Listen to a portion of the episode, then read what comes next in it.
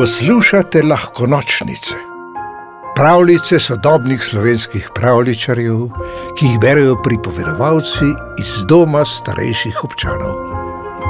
Marko in trijesna ženi medvedi. Nekega mrzlega decembrskega dne je na medvedjem bregu zapadlo veliko snega in Marko je na vrtu pred hišo naredil tri snežene medvede. Prvi je bil mogočna zver z veličastno glavo in močnimi šapami. Tudi drugi je bil velik, a nekoliko manjši od prvega. To je bila snežena medvedka. Tretji medved je bil najmanjši.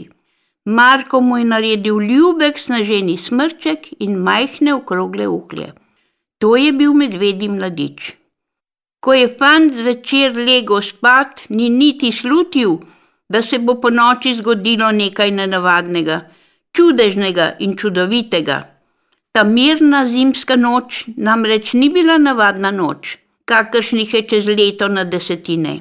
Bila je čarobna noč. Ko je v polnoči dvorišče oblila bleda mesečina, so Markovi trije sneženi medvedi oživeli. Zdaj niso več samo sneženi kipi, ki negibno stojijo, kamor jih kdo postavi. Premikajo se kot pravi, živi medvedi, Postavljajo se na zadnje noge in se radovedno ozirajo naokoli. Kako razigran je najmanjši medved. Navihano poskakuje okoli velikih dveh in kar ne more biti pri miru. Podi se sem in tja, rije smrčkom po rahlem snegu in ga meče visoko v zrak, da ledeni kristalčki pršijo ne vse naokoli. Kar takoj bomo odrinili, dolga pot je pred nami, reče veliki medved. Prav imaš, zabrunda snežena medvedka, pohiteti moramo, da nas ne preseneti jutro. Kje pa je medvedek? Še pravkar se je podil okoli hiše. Poglej ga no, po žlebu skuša zlesti na streho. Kuka skozi okna in se čudi zanimivim stvarem, ki jih imajo ljudje v hiši. Kaj vendar počneš, se zgrozi največji medved. Pridi takoj dol, Odhajamo in držati se moramo skupaj. Ne bi rad že takoj odšel, se vglasi mali medvedek z višine. Tu je toliko zanimivega. Sneženi medvedi ne stikamo okoli hiš in ne motimo prebivalcev. Medvedek ve, da je starejše in bolj izkušene medvede treba upoštevati, zato poklapano zabrunda. No, prav, saj že grem in se začne spuščati po žlebu a žleb je poledenel, šapice izgubijo oprijem in medvede kar naenkrat zgrmi na tla. Bum! Hrup prebudi Marka.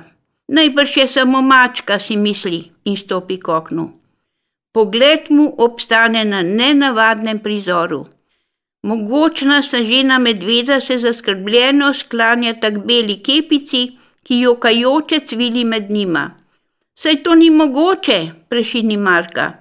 Sneženi medvedi, prav tisti, ki jih je prejšnji popoldan sam napravil, so živi, čisto zares živi. Vant kar v pižami steče na dvorišče, srce mu divje razbija. Sanjam, si misli, sanjam, ali pa se dogaja nekaj posebnega, nekaj, kar se lahko zgodi samo v pravljici. A za čudenje ni več časa, v nesreči ne smemo izgubljati besed. Pomagati je treba takoj, brez odlašanja.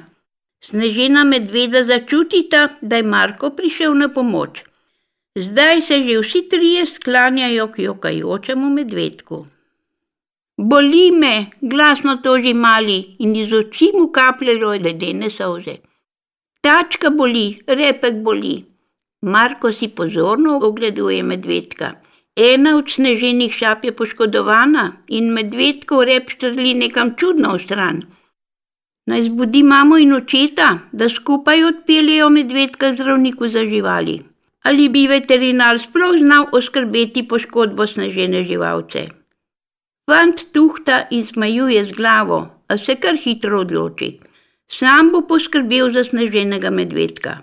Vzame nekaj mehkega snega in z njim nežno obloži poškodovano šapo. Tudi repek poravna, da je spet videti kot pravi, zdravi medvedji rep.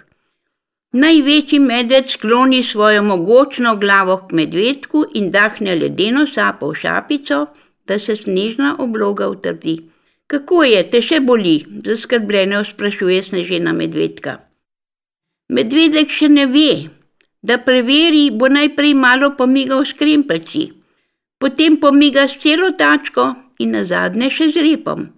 Da, bolje mu je, za vsak primer še malo posmrka, potem pa se negotovo postavi na noge.